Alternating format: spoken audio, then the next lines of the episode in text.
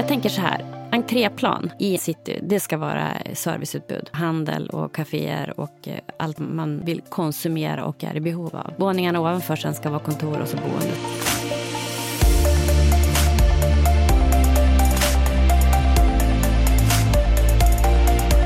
Hej och välkommen till Detaljhandelspodden. Vi som pratar här Jonas Arnberg. och Magnus Olsson.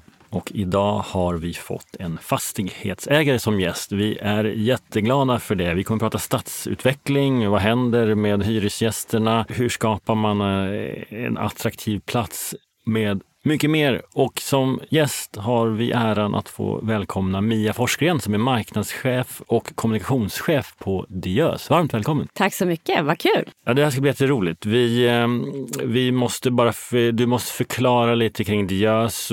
Berätta om dig själv också och sen förklara om Diös. Vår, eh, vi, vi vet om att ni, är, ni äger Norrland, men, men ge oss lite mer. Absolut äger vi Norrland. Jag börjar i änden om mig själv. Jag är eh, jämtlänning, har min bakgrund inom marknad och kommunikation. Har gjort det hela mitt liv. Jättemånga år inom musikbranschen. Så jag är relativt ny sen 6-7 år tillbaka inom fastighetsbranschen. Bekväm att vara framför en mikrofon då? Väldigt. Coolt. Jag har dock inte sjungit vill jag liksom tillstyrka. Tur du sa det, annars hade vi bett om ett smakprov. Det hade ni faktiskt inte fått. Däremot har musikbranschen alltid varit de som har gått i bräschen för nya innovationer, eh, marknadsföring, coola grejer, eh, kommunikation. Så det har varit en väldigt rolig bransch och väldigt mycket att lära sig, ta med sig in i andra branscher. Eh, Diös då? Eh, Diös är som du sa, vi äger Norrland. Eh, det är intressant. Vi är eh, ett av Sveriges största fastighetsbolag. Vår geografi är mycket riktigt norra Sverige. Och då kan man bara förhålla sig till att i det här fallet är norra Sverige från Gävle upp till Luleå och så inlandsstäder på det. Så det är tio städer som vi finns i. Och ni äger fastigheter med handel i alla de städerna? Har vi en kommersiell fastighetsägare där vi äger mest kontor, om man säger så, med det vi kallar för urban service då, där handel ingår. Även restaurang, café och så vidare. Och så har vi också lite bostäder. Handel i Norrland, det ska bli väldigt spännande. Kan, kan, du ge oss en, innan vi kommer igång på allvar, kan du ge oss en första spaning om vad händer där ute? Konjunkturen är ju svag och konsumenten eh, börjar handla budget, eh, om man ens handlar överhuvudtaget. Och vad ser du för mönster i de städer ni har, där ni finns? Oaktat handel så ser jag ett mönster i norra Sverige som är overkligt häftigt. Eh, det handlar om vår tids största tillväxtrevolution. Grön omställning. Det satsas enorma pengar i industrialiseringen. Det vill säga, det som har byggt Sverige en gång i tiden kommer bygga Sverige igen på ett grönt sätt. Vad skapar det för liksom, kringeffekter? Massor. I de städer vi finns så, eh, så händer det otroligt mycket. Och det är ju inte bara industrin. Och där är inte vi, så att säga. Vi är ju i städerna.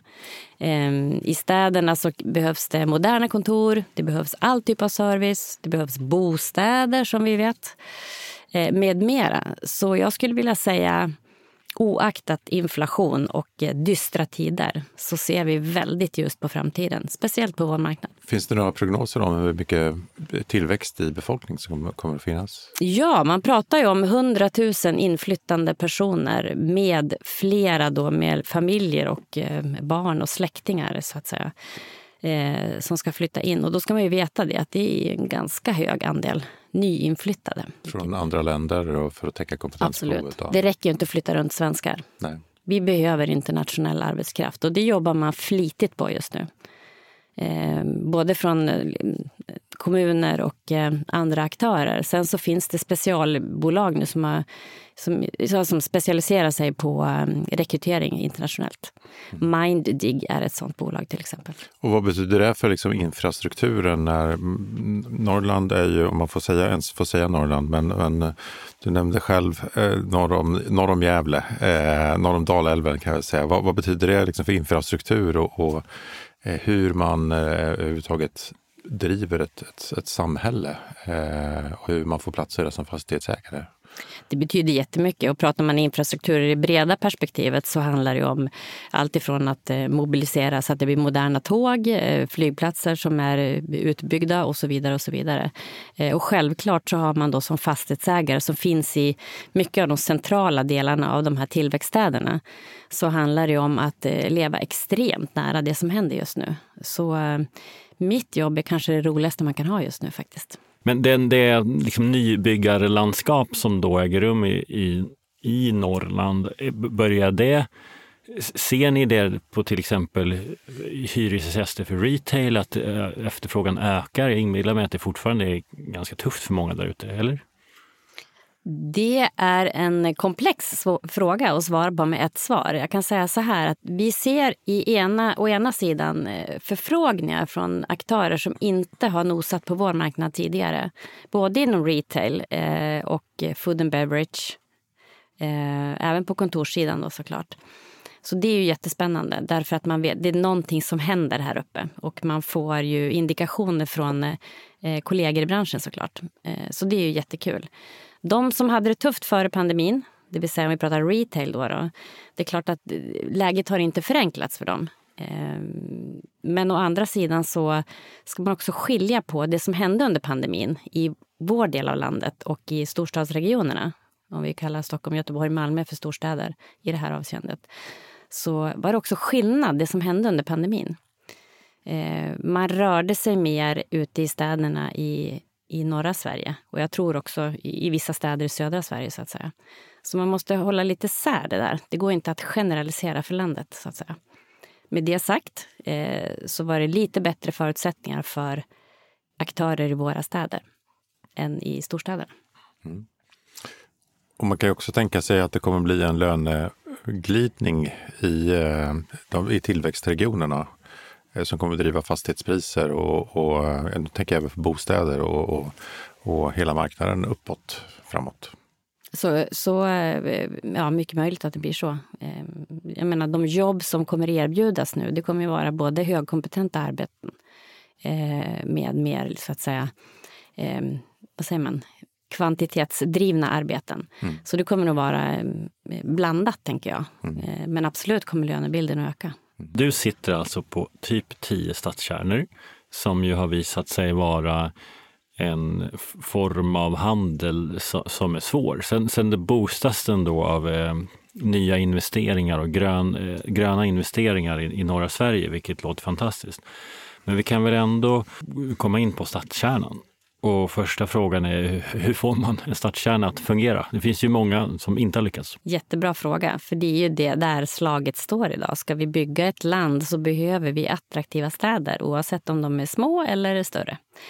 Eh, det vi ser och det vi har mm, vad ska jag säga, satsat på de senaste åren det är att kontoret blir navet i staden. Det som tidigare kanske var handel eh, som drev trafiken in till stan. Idag är det faktiskt arbetsplatser och moderna kontor. Eh, det handlar ju om att varumärken ska kunna attrahera kompetens, arbetskraft. Och vi vet ju då att det är, eh, vi slåss om den. Eh, det finns inte hur mycket som helst. Och då gäller det att kunna erbjuda någonting bra in i stan. Så kontoret är liksom navet som skapar förutsättningar för handel, restauranger, kaféer, skomakaren, ja, all typ av service man behöver. Och kontoret vill man ha i centrum? Kontoret vill man ha i centrum därför att det blir ju en återeffekt då. För att kunna attrahera människor till en arbetsplats så vill du kunna ta en schysst lunch, du vill kunna gå ut och ta en kaffe, du vill kunna uträtta andra ärenden på lunch och andra tillfällen. Så det är också en förutsättning för att eh, bli ett bra eh, varumärke. Och er övertygelse är att det är där liksom handel och kontor kommer vara? För, för om man tar, tar något av era städer som exempel, Sundsvall, så har man Birsta som är en enormt fin handelsplats utanför stan. Men den äger ni inte? Vi äger inte Birsta. Och Sundsvall är ju mycket riktigt en, en eh, spännande stad så tillvida att den, har, den är under stor utveckling. Eh, och för de som känner till Sundsvall så vet man också att den är, förutom att den är extremt vacker och ligger vid havet eh, med sina stenfastigheter, så har själva stadskärnan bestått av en ganska stor galleria. Tre fastigheter egentligen. Och där görs det nu det man pratar om konvertering, det vill säga att man omvandlar klassiska handelsytor till kontor. Och Det är ju för att skapa förutsättningar för att den handeln som finns kvar och ska etablera sig kommer att få bättre så att säga, underlag. Och då har vi mm, i ena fastigheten så har Tele2 gått in med 300 arbetsplatser, modernt kontor som gör ett helt annat flöde i stan. I, I, andra huset så håller vi precis på nu är färdigställer för Länsförsäkringar som mobiliserar all sin verksamhet med bank, försäkring och eh, mäkleri i ett supermodernt kontor i före detta handelsytor. Då. Eh, och det gör att flöden av människor som rör sig in i stan, eh, det är viktigt för att handeln, restauranger och så vidare ska kunna Eh, växa. Men hur följsam är då konsumenten? För att det du säger är att, att man, man avvecklar handel och ni som fastighetsägare ser en möjlighet att etablera kontor för att skapa förutsättningar för handel. Eh, ja, och under tiden så har ju konsumenterna valt att åka till Birsta eh, för att företa sina inköp. Hur, liksom, hur, hur Förstår du min, min fråga? För någonstans så är vi ju ändå vanedjur och de som varit vana en gång i tiden att åka in till city eh, och sen tyckte att utbudet har blivit för, för dåligt så man åker inte ens in dit. Eh, hur, hur lång tid tar det innan de kommer tillbaka? Ja, men vi ser att, att folk kommer tillbaka och, och, då ska man veta det att handeln är en del av den upplevelse man vill ha när man åker in till stan. Mm. Där är nog restaurang, café, det utbudet är jätteviktigt. Mm. Eh, och där är Sundsvall ett jättebra exempel för det har exploderat av schyssta restauranger och det funkar väldigt väl. Mm. Men vad är kravet på mixen då? För en gång i tiden så räckte det med att ha en Stadium, en H&M och, och någonting mer så var det liksom hemma. Eh, nu är det kanske inte de hyresgästerna som man har som nummer ett när man vill skapa ett attraktivt utbud. Det vi ser att de vill etablera sig bredvid lokala aktörer idag för att vara relevant. Och vi ser också att det sker en förändring i utbuds utbudsdelen i, i, i kedjorna också. Att man kanske lokalanpassar lite mera. Eh, det vill säga att man, man har inte ett generiskt utbud för hela landet eller för hela världen utan det kommer att förändras. Eh, och, och, som jag sa, restaurang, café, det kommer vara en nyckel också för att eh, handel och kontor, allt det här sammantaget, det är mixen. Och helst av allt så ska du kunna bo på våningarna längst upp i fastigheter inne i centrala stan. Då är du hemma. Då har du en, en dygnet runt ekonomi som fungerar och en trygghetsfaktor faktiskt. Men de, eh, i de mest framgångsrika stadskärnorna ni sitter på, då, hur har ytan handel gått ner i dem? Ja. Hur lite handel kan man ha i en stadskärna för att det fortfarande ska vara det som Magnus och du är inne på, att bidra till att det är intressant att, vara, att ha kontor på, att bo i och sådär. Alltså har, du något, har vi ett nytt nyckeltal eller har du ett nytt? Jag ska räkna på det. Det är faktiskt en intressant aspekt för det, det, det finns ju mycket att liksom spinna vidare på där. Mm. Jag tänker så här, entréplan i en city, det ska vara serviceutbud. Det ska vara handel och kaféer och eh, allt vad man så att säga, vill konsumera och är i behov av. Våningarna ovanför sen ska vara kontor och så boende som jag sa tidigare. Så eh, nyckeltal vet jag inte än. Men, men om gissa, för en gång i tiden för typ 20-25 år sedan, då brukar man säga men 10 procent eh, café och restaurang. Och sen så ökade det till 30 procent. Skulle du säga att är det 50-50 idag eller vad, vad, vad, tror du att det behövs? Mellan handel och café och restaurang? Ja. Ehm, ja, det finns, det finns fler saker också där. Mm. Ehm, vi har behov av eh, allt ifrån eh, hälsovård till eh, förebyggande hälsovård mm. till specialtjänster, kemtvätt och sånt där. Det måste också räknas in. Så om det är i handelsgråt eller om det ligger på någon annan typ av servicenivå. Men säg 30-30-30 mm. då. Det vill säga mellan service, handel och restaurang. Där kanske det finns någonstans. Nu säger jag det här utan att räkna på det. Ja, nej, det jag tänker det att det är rimligt. Liksom. Men entréplan tror jag är viktigt att ta med i beaktande. Att det är det som är eh, liksom det som riktar sig mot allmänheten. För att du är inne på någonting också, du nämnde det här med 24 timmar och att man ska både bo och jobba och staden ska leva. För det känns som att många, i många städer, städer så, så blev det så att, att man åkte till staden för att göra saker, sen åkte man därifrån för att, eh, när, man, när man faktiskt skulle jobba eller bo. Och att det innebar till exempel att stadskärnorna stod tomma i många städer under pandemin. Därför att det fanns, det fanns ingen, man, man åkte inte dit. Och det måste väl vara tricket i en, en lyckad omställning eh, där man återtar städerna, vilket också skapar högre, eh, större trygghet för de som faktiskt befinner sig där. Ja, du säger det jättebra själv, men jag, jag kan bara hålla med. Och Det handlar också om hållbarhetsfaktorn. Tittar vi på de yngre generationerna, hur man vill förhålla sig till äga bil, transportera sig via liksom, bussar, cyklar och andra saker, så gäller det att skapa en mobilitetslösning för staden som gör att du inte är beroende av att äga bilar till exempel. Men däremot kan röra dig fritt igenom. Så det är också en aspekt av det. Men trygghet, det är det som står överst på allas våra listor. Eh, för det händer tillräckligt mycket i både i Sverige och i världen idag för att inte känna att det är viktigast. Eh, och den, den aspekten får du, den kombinationen av att du bor eh, för det är ändå jätteviktigt att kunna bo i en stad. Det var väl också det som var problemet med Stockholm under pandemin, att det är för få människor som bor i stan Ehm, så att säga, som, som pendlar ut och lever utanför dem. Mm. Men nu har du varit inne på delar som då kanske inte ligger helt i din makt, i alla fall inte i din direkta makt, alltså infrastrukturen, där måste du ha med dig kommunen. Och jag inbillar mig också att det finns massa andra fastighetsägare runt om i city som du också behöver få med på idén om att bottenvåningen har vi för retail och sen, eller, eller hur det nu ser ut. Hur, hur lyckas du med det? För det är väl ett annat typexempel på som då många stadskärnor misslyckas med? Alltså att få ihop kommun, fastighetsägare, hyresgäster? Jättebra fråga och det är faktiskt A och O. Eh, samarbete mellan olika aktörer i en stad eller i en kommun blir det oftast då, är ju helt avgörande.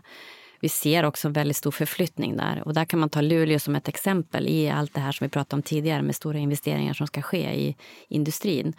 Eh, så krävs det att man samarbetar. Så kommunen med näringslivet, eh, andra aktörer, eh, både internationella och svenska aktörer där vi som fastighetsägare också får en betydande roll, är avgörande. Det är jätteviktigt att man sätter gemensamma mål. Men är det kommunen som liksom har, bör ha taktpinnen där? Ja, alltså det kan jag tycka. Taktpinnen, möjliggörarna, däremot inte investerarna. Det är ju vi, vi och andra. Så, så ser vi på det. Det är därför det är så häftigt också när man bor i en bor och agerar i en mindre stad eller kommun att det är fem minuter bort till en kaffekopp med kommunstyrelsens ordförande mm. för att diskutera gemensamma målbilder och frågor. Lågprishandeln har ju flyttat in överallt, framförallt i externhandelsområden, alltså den typ av områden som ni inte äger. Men, men mer och mer också i nya typer av koncept som är mer köpcentrum eller stadskärnanpassade. Hur, syns det hos er också? Eller vilka är liksom de nya hyresgästerna? Ja, men helt rätt. Det, det, ser vi också. Vi har ju, om man nu får nämna varumärken så har vi Normal som en sån, ett sånt koncept som har etablerat sig i flera av våra städer. Eh, och det är ju vad jag kan förstå en riktig succé. Eh, sen, lågpris eller inte, men Ikeas företeelse att sätta sina citykontor där du kan planera kök och annat har vi också etablerat ett par stycken här nu bara under våren. Eh, och vi får förfrågningar. Ikea är liksom köpcentrum Sveriges räddning. När man beslu ja. någon beslutar att vi ska aldrig mer finnas, bygga vid en motorväg och, och, och nu fyller man upp de ytor ja. som ja. ofta mode har lämnat efter sig. Då. Så, och det, är, det är ju jätteintressant, eh, tycker vi. Eh, och vi får förfrågningar från andra lågprisvarumärken också. Så du är helt rätt eh, på den frågan, som vi kan se i våra städer också. Att vi, det är lojaliteten hos konsumenten är mer flexibel idag. Vi anpassar oss efter läget och just nu är det ju lite speciellt läge, det får vi väl ändå tillstå. Eh, och där ser vi att eh, lågpriskedjorna eh, kommer in. Och Ikea som sagt igen då, det, det är väl kanske dåtidens eh, Eh, större kedjevarumärken motsvaras idag av Ikea. Så det blir väldigt eh, positiva reaktioner. I en stad som, som kommer att växa då, ta Skellefteå till exempel, som kommer att växa relativt mycket i invånarantal och man behöver liksom bygga, göra en helt ny stadsplanering med parkeringsplatser och allting. Vad tror du att, att hur, hur tar man sig som fastighetsägare an en sån utmaning? För det är ju en del att, att bygga den nya staden. Kan, man, kan, man, kan du säga någonting om för det är ju snarare en revolution. Det är ju inte att, att folk flyttar in och dutt, man duttar, utan här behöver man ta ett helhetsgrepp. Och Skellefteå är ett jättebra exempel. De har också gått i bräschen både medialt och annat med, med den stora Northvolt-satsningen. Sen är det så mycket mer än så. Eh, och det som har hänt i Skellefteå måste man veta. På bara några år så har det ju skett någonting helt spektakulöst faktiskt. Eh, spektakulärt kanske heter by the way. Men eh, dels när man sitter på flyget och åker till Skellefteå, vilket jag och mina kollegor gör ganska ofta eftersom vi finns i den staden, så så är det ju halva, halva planet snackar engelska. Det är det ena. Det är väldigt internationellt. Eh, kommunen satsade stort på ett nytt kulturhus, helt byggt i trä. Fantastiskt. Eh, där du kan sitta på våning 18 idag, spana ut över hela stan och äta på en Stockholmsbaserad restaurang faktiskt. Kan ju vara bra ändå. Mm. Det, men bara konceptet att man vill etablera sig i Skellefteå, det är ju någonting på spåren så att säga. Sen för egen del då så har vi ju då tagit... Eh, dels har vi köpt på oss ganska mycket fastigheter i Skellefteå de senaste åren. Eh, och som ett exempel, precis på gågatan om man säger, så har vi en klassisk eh, 40-talsfastighet där kommunen var stora hyresgäster tidigare. Idag är det huset fullt utvecklat till teknikkonsulter i princip. Eh, ja, ni kan namnen på dem, det är alltifrån Sweco till Afry och så vidare. Eh, vilket också Eh, det vi pratade om tidigare här med moderna kontor, det har varit en, en förutsättning för dem att kunna finnas på en central plats som kan erbjuda sina medarbetare att finnas i stan med mm, mat och annan service runt omkring. Eh, och sen det moderna kontoret då, som blir någonting annat idag än vad det varit tidigare. Eh, och här gäller det att hänga med, våga satsa, eh, leva nära Eh, Ehm, och Skellefteå är en, ett praktexempel på hur det här samarbetar med kommunen som har varit väldigt duktiga att driva, driva takten i det här. Eh, kärvigheten just nu för Skellefteå, om man ska lyfta någon, det är ju bostäder. Men det är på gång också. Så att, ehm, Eh, media är också digitalt ansvarig, du kan berätta vad det betyder men också sen framförallt frågan, se, vad ser du för... Etta, vill du ha in hyresgäster som har knäckt Omnikoden och så att säga är långsiktiga för att de vet hur man lever ett hybridkoncept till exempel? Eller eller är du med och hjälper till att bygga infrastrukturen för morgondagens handel som, som är hybrid oavsett, jag vet inte exakt vad jag frågar efter, jag vet inte vad det är riktigt, men är du med på, på min fråga är alltså hur speglas det digitala i, på era platser och hur jobbar ni med det? Jättebra. Och jag eh, frågar mig personligen. Jag kommer ju från musikbranschen och har varit med i den digitala resan som, som den branschen tvingades in i eh, ganska rejält om man säger så. Och det finns så många learnings från det att ta med sig. Och det är ju en utveckling av rang. Den ser vi ju genom många branscher och nu har väl handeln varit här x år tillbaka i tiden. Fick en skjuts genom pandemin. Vi vill jättegärna etablera modiga retailers som, som har den Omni-lösningen. Jag lyssnade på Henrik Bunge på eh, Björn Borg som var här på Detaljhandelspodden för några veckor sedan. Eh, han sa det så bra, tycker jag, att, att satsa där konsumenterna är. Och det är väl det som är knäckfrågan, tänker jag. För vi fastnar vid att det är någon som har kommit på ett påfund om att man kan handla på e-handel. Någon som vill käppa, sätta käppar i hjulen för någonting istället för att vi diskuterar utveckling. Vi är gärna med och faciliterar att man kan hitta de här digitala lösningarna.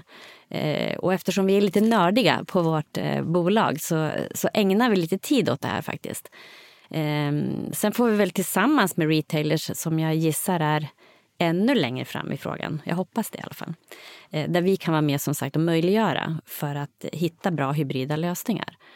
Fysisk handel är jättespännande, jätteintressant. Och tittar man på undersökningar som, som görs löpande så ser man ju att det vi konsumenter vill ha för att gå in i en fysisk butik det är att bli inspirerad, det är att få schysst service, det är att kanske hitta någonting som är unikt. Eh, med det sagt behöver inte transaktionen ske i butik. Den kan ju ske på nätet. Och Det var väl det Henrik pratade om också, tänker jag. Eh, så det är väl första steget av en hybridlösning. Eh, att vi faktiskt ser vad som ska finnas på den fysiska platsen. Men, men, ser du något exempel på hyresgäster som ber om mindre yta för att de kan ha en större del av affären digitalt? Eller ser du typiska e-handlare som ber om att, en lokal för att få synas fysiskt? Både och kan jag säga. Och, och eh, det där med mindre yta, att inte ha lager i butik, eh, det gör ju också att vi kan öppna upp ytor, öppna upp fönster ut mot gatan och så vidare. För att man, man stänger inte igen eh, lokaler med spikar igen fönster. Så det är ju en jättenyttig och bra resa att göra. Eh, så den ser vi ju ganska ofta, helt ärligt. Eh, e-handlare som vill etablera sig förekommer också. Ehm, så att eh, jag jag ser inte att handeln går så, i så snabbt tempo som den kanske man kan kunde ha förväntat sig. Helt ärligt. Det är på gång och vissa är ju jättelångt framme naturligtvis.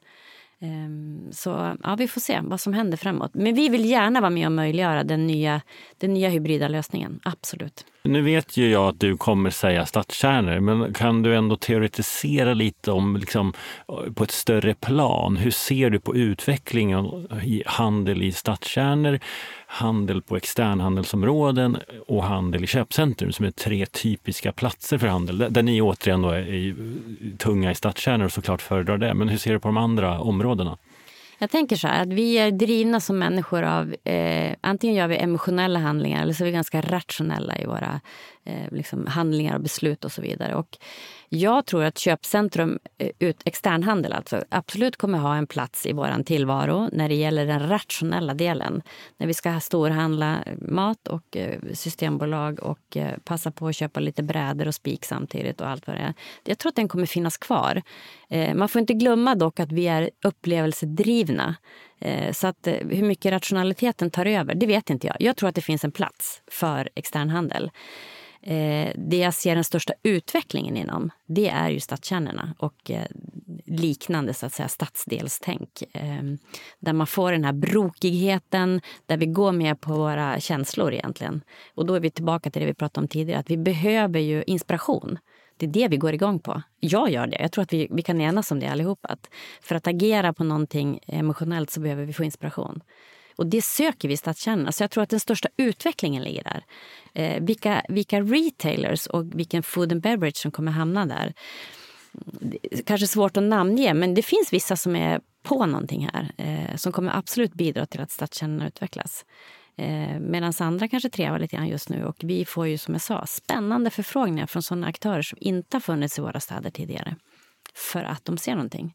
Det känns ju som att externhandeln håller på att bli väldigt fokuserad på budget men också väldigt hög effektivitet. Och det kan nog bli ganska attraktivt medan mm. stadskärnor blir någonting annat. Ja. Ja, var... Delikatessdisken.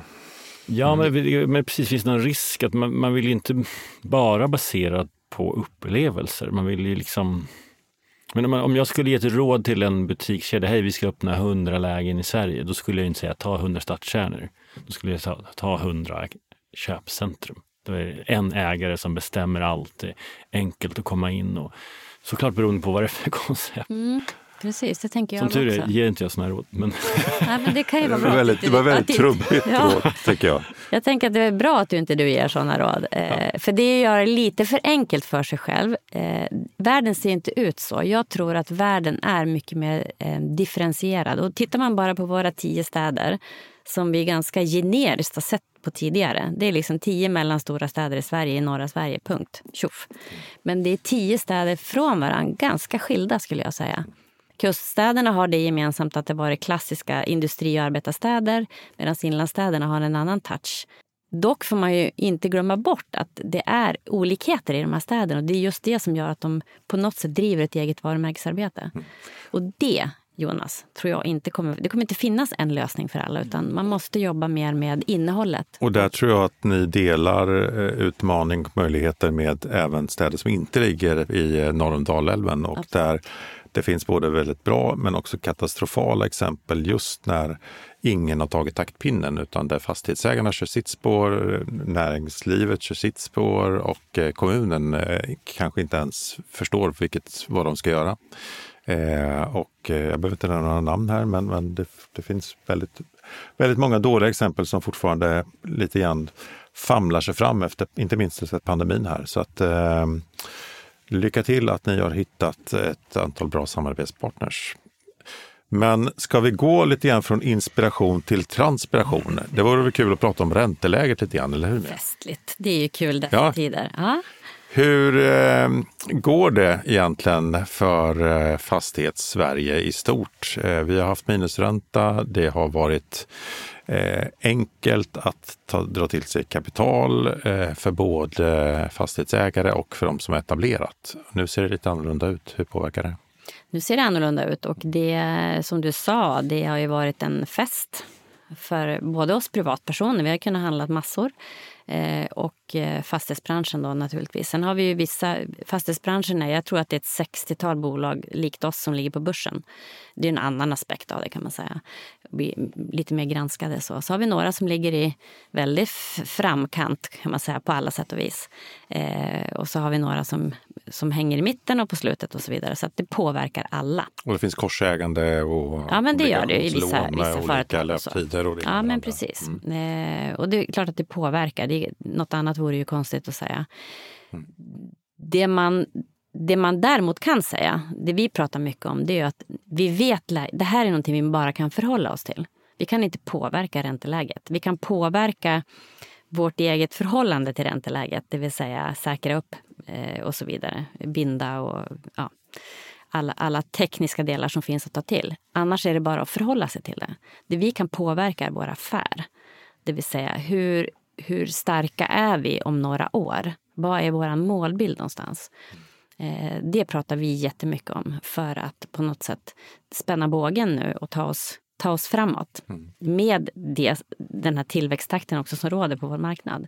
Men, men är ni högt belånade? Har, ser er affär sämre ut nu än vad den gjorde när det var minusränta? Den ser sämre ut nu eftersom att vi, vi har ju lån. Det, så är det ju. Det kan man läsa. Du kan bara gå in på vår webb så ser du att vi, har, vi, vi är belånade.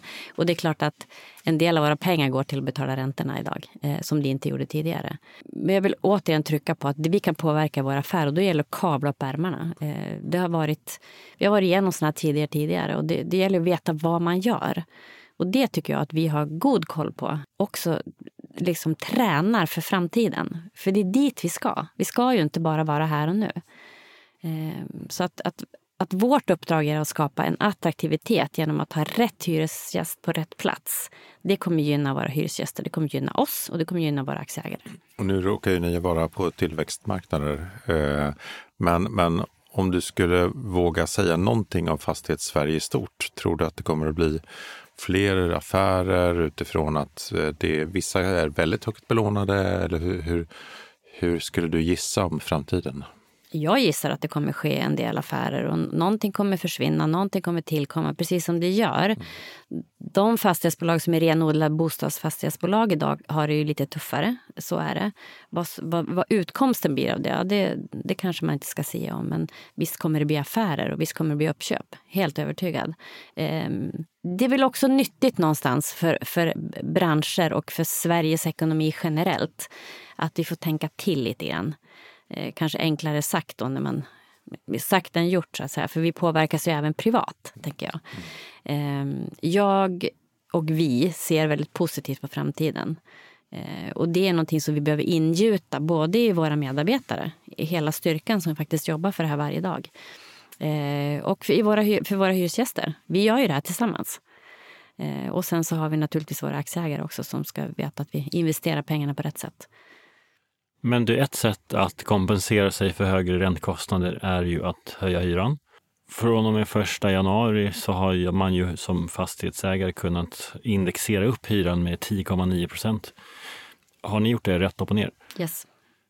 Vad sa hyresgästerna då? Vi lever nära våra hyresgäster och de flesta, helt ärligt, har eh, ju hängt med i allt som har påverkats och eh, är med på resan. Och dessutom i själva avtalen, så till 97 procent tror jag vi har haft den här indexeringen inskriven i avtalet. Så att det har gått bra, med respekt för alla här nu då. Men ja, och du reflekterade inte över att, att det var mycket och att vi kanske borde bara köra hälften utifrån att retail har ett tufft läge och vi vill ha en levande stadskärna och så vidare? Vi kompenserar på andra sätt. Anpassad storlek på lokal som vi pratade om tidigare. Eh, se till att vi, vi skapar förutsättningar så att det blir eh, bra flöden av människor runt omkring eh, och så vidare. och Så vidare. Så ja, det är så vi jobbar. Men det finns ju de som säger att det här är orättfärdigt bara för att man någon gång för ett antal decennier sedan skrev in en indexklausul och att era kostnader inte ökat så här mycket. Vad, vad vill du säga till dem? Fast våra kostnader har ökat eh, så här mycket. och som jag sa, vi, vi lever ju jättenära våra hyresgäster. Vi har ju en, en otroligt skickliga medarbetare hos oss som, som fångar upp våra hyresgäster. Det, jag ska säga så här, det maxades ju under pandemin. Så den här nära relationen på, ett an, på en annan nivå än vad man haft tidigare, den, den blev ju på, liksom intensifierades ju. Och den har liksom fortsatt nu. Så att den här dialogen med hyresgästerna är av annan karaktär. Mm. Eh, och igen då, eftersom vi ser att vi är på en marknad som är på, i ett annat läge idag i de här städerna så eh, tillsammans så skapar vi en positiv framtid.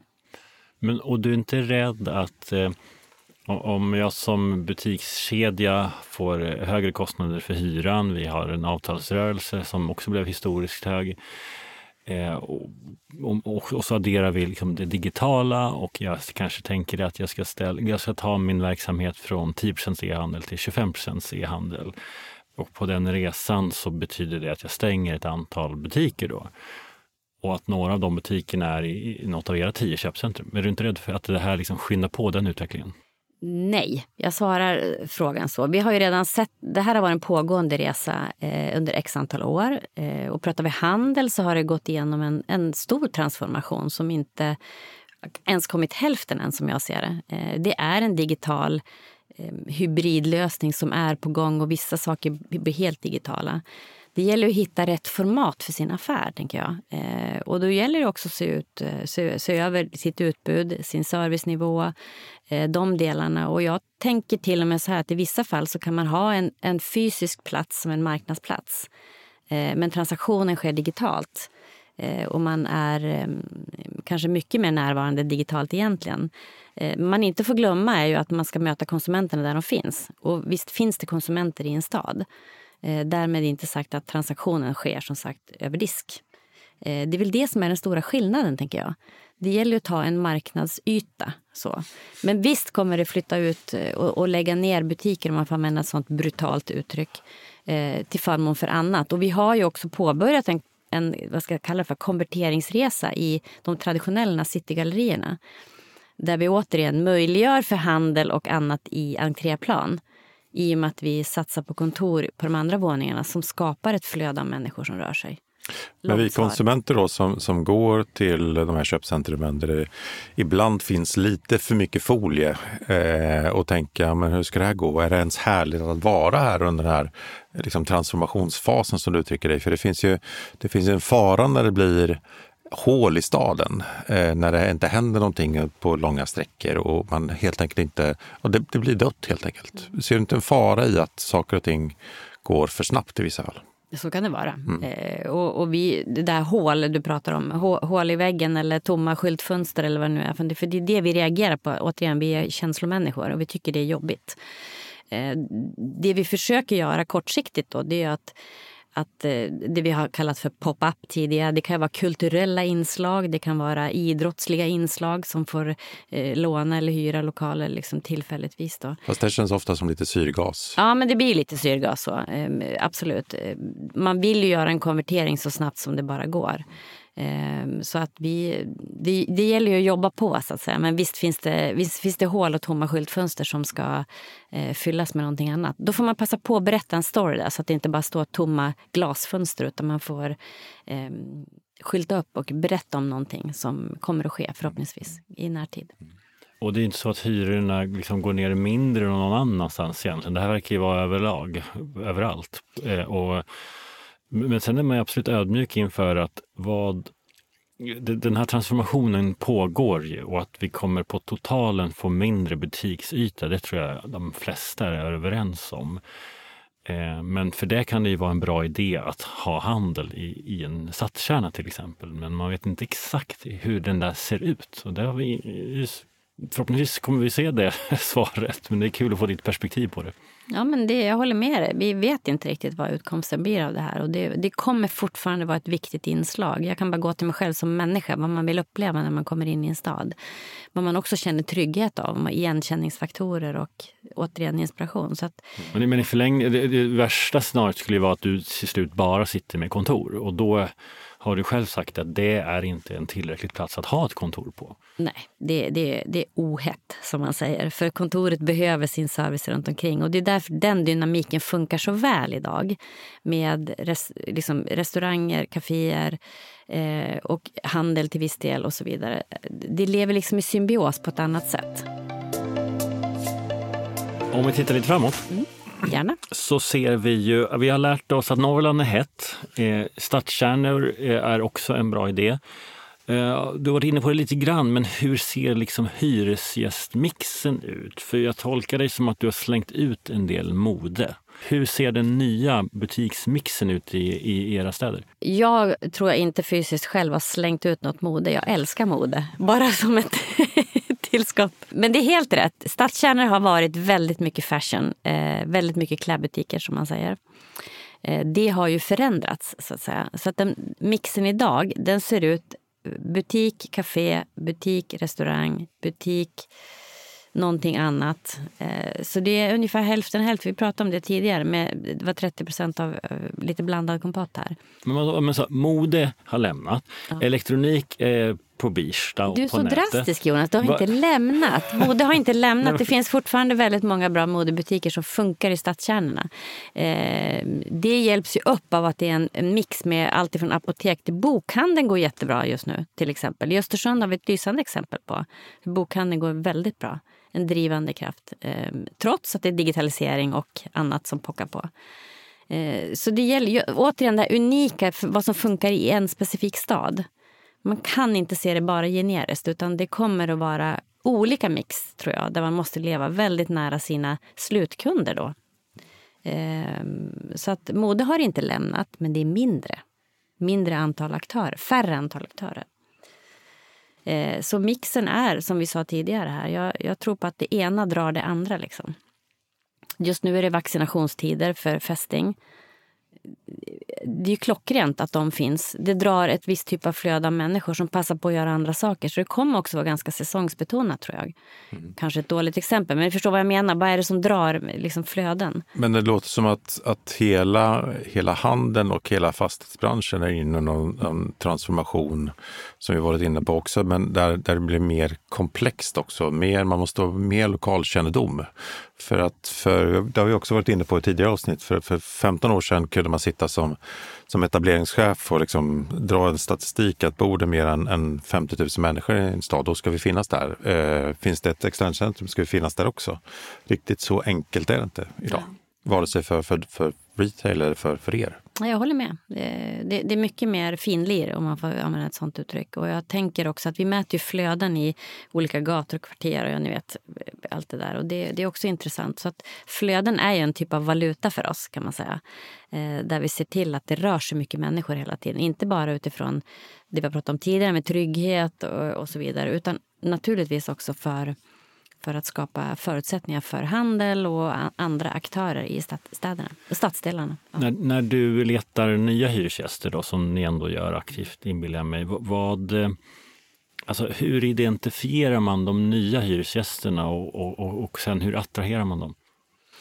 Eh, vi, vi jobbar både lokalt, där vi har våra affärsteam som jobbar lokalt. Eh, sen har vi då en central organisation, eh, ett centralt team helt enkelt, som, eh, ja men ni vet, klassiskt bjuder in, bjuder upp till dans eh, för att lyssna. Och idag blir de dialogerna tätare därför att det händer någonting, som jag sa tidigare. Så ni, de har, liksom en, har de en kö till möten eller får de jaga möten? Ja, men det är väl en kombination, tänker jag. Eh, vi, blir, vi blir oftare och oftare inbjudna till möten, om jag säger så eh, än vad det varit tidigare. Så det är väl på, åt båda hållen. Det är så man skapar en stark relation. Man, både, it's a give and take, så att säga.